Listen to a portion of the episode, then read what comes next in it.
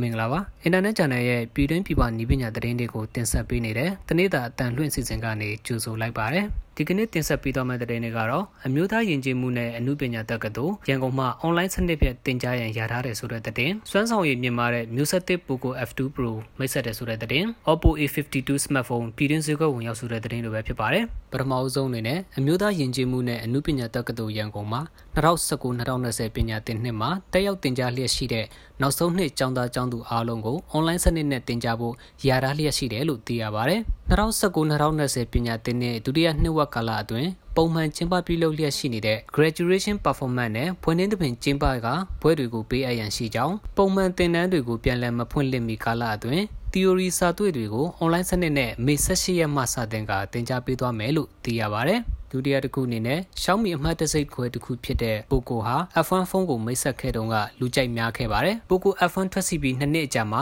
Poco F2 Pro ကိုထုတ်ဖော်ပြသလိုက်ပါတယ်။ Poco F2 Pro ဟာ F1 ဖုန်းနဲ့နှိုင်းယှဉ်ရင်အဆင့်မြင့်မားလာပါတယ်။ Qualcomm ရဲ့အကောင်းဆုံး chip ဖြစ်တဲ့ Snapdragon 865ကိုအသုံးပြုပေးထားပြီးတော့ GPU driver တွေကိုအဆင့်မြင့်တင်နိုင်ပါတယ်။ Poco F2 Pro ဖုန်းမှာ Liquid Gold 2.0နည်းပညာပါဝင်လာတဲ့အတွက်အေးခံတဲ့အခန်းကအခြားဖုန်းတွေထက်နေရာယူထားပြီးဖုန်းကိုလျင်မြန်စွာအေးပေးနိုင်ပါတယ်။ F2 Pro မှာ Poco Launcher 2.0နဲ့အတူ Android 10အသုံးပြုပေးထားပါတယ်။ Dark Mode ပါဝင်လာပြီး AMOLED မျက်နှာပြင်အသုံးပြုထားပါတယ်။ Poco F2 Pro မှာ storage 128GB အထိစတင်ပါဝင်လာသလို 256GB version ကိုလည်းထုတ်လုပ်ထားပါတယ်။ဒါအပြင်မြန်ဆန်တဲ့ UFS 3.0 storage ကိုအသုံးပြုပေးထားပါတယ်။ Poco F2 Pro ရဲ့ကင်မရာအသစ်ကအဆင့်မြင့်တင်ထားပါတယ်။ အဓိကကင်မရာမှာ64 megapixel ပါဝင်လာပြီးတော့60 megapixel ဓာတ်ပုံတွေထုတ်လုပ်ပေးနိုင်ပါတယ်။ဖုန်းမှာ 2x zoom ကင်မရာပါဝင်က5 megapixel sensor 50mm lens နဲ့အတူ13 megapixel ကင်မရာ wide ပါဝင်လာပါတယ်။2 megapixel deep sensor လည်းပါဝင်လာပါသေးတယ်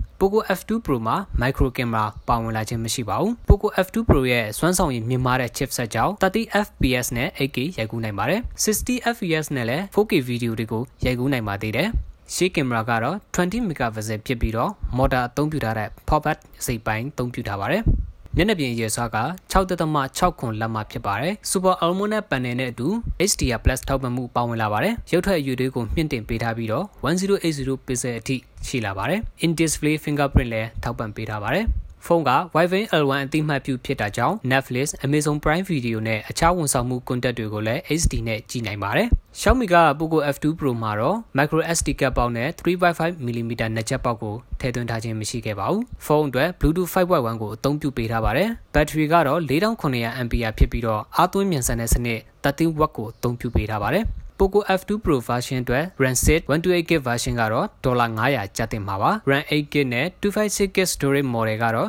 Euro 600ကျတင်မယ်လို့သိရပါတယ် Poco F2 Pro ကိုမေလ19ရက်မှာစတင်ရောင်းချမှာဖြစ်ပေမဲ့ကြိုတင်မှာယူနိုင်ပြီဖြစ်တယ်လို့သိရပါတယ်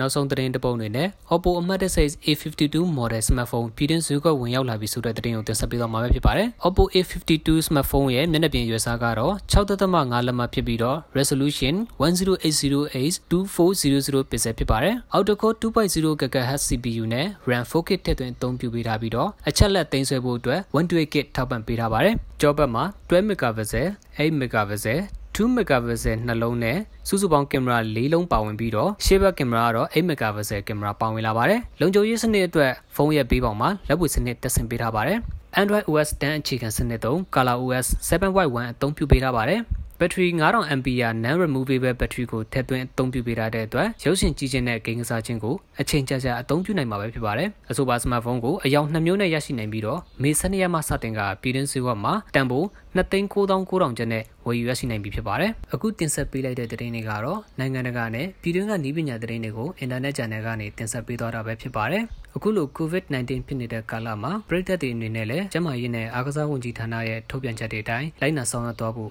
တိုက်တွန်းလိုက်ပါရခင်ဗျာ။ကျွန်တော်ကတော့အောင်သက်ကိုပါ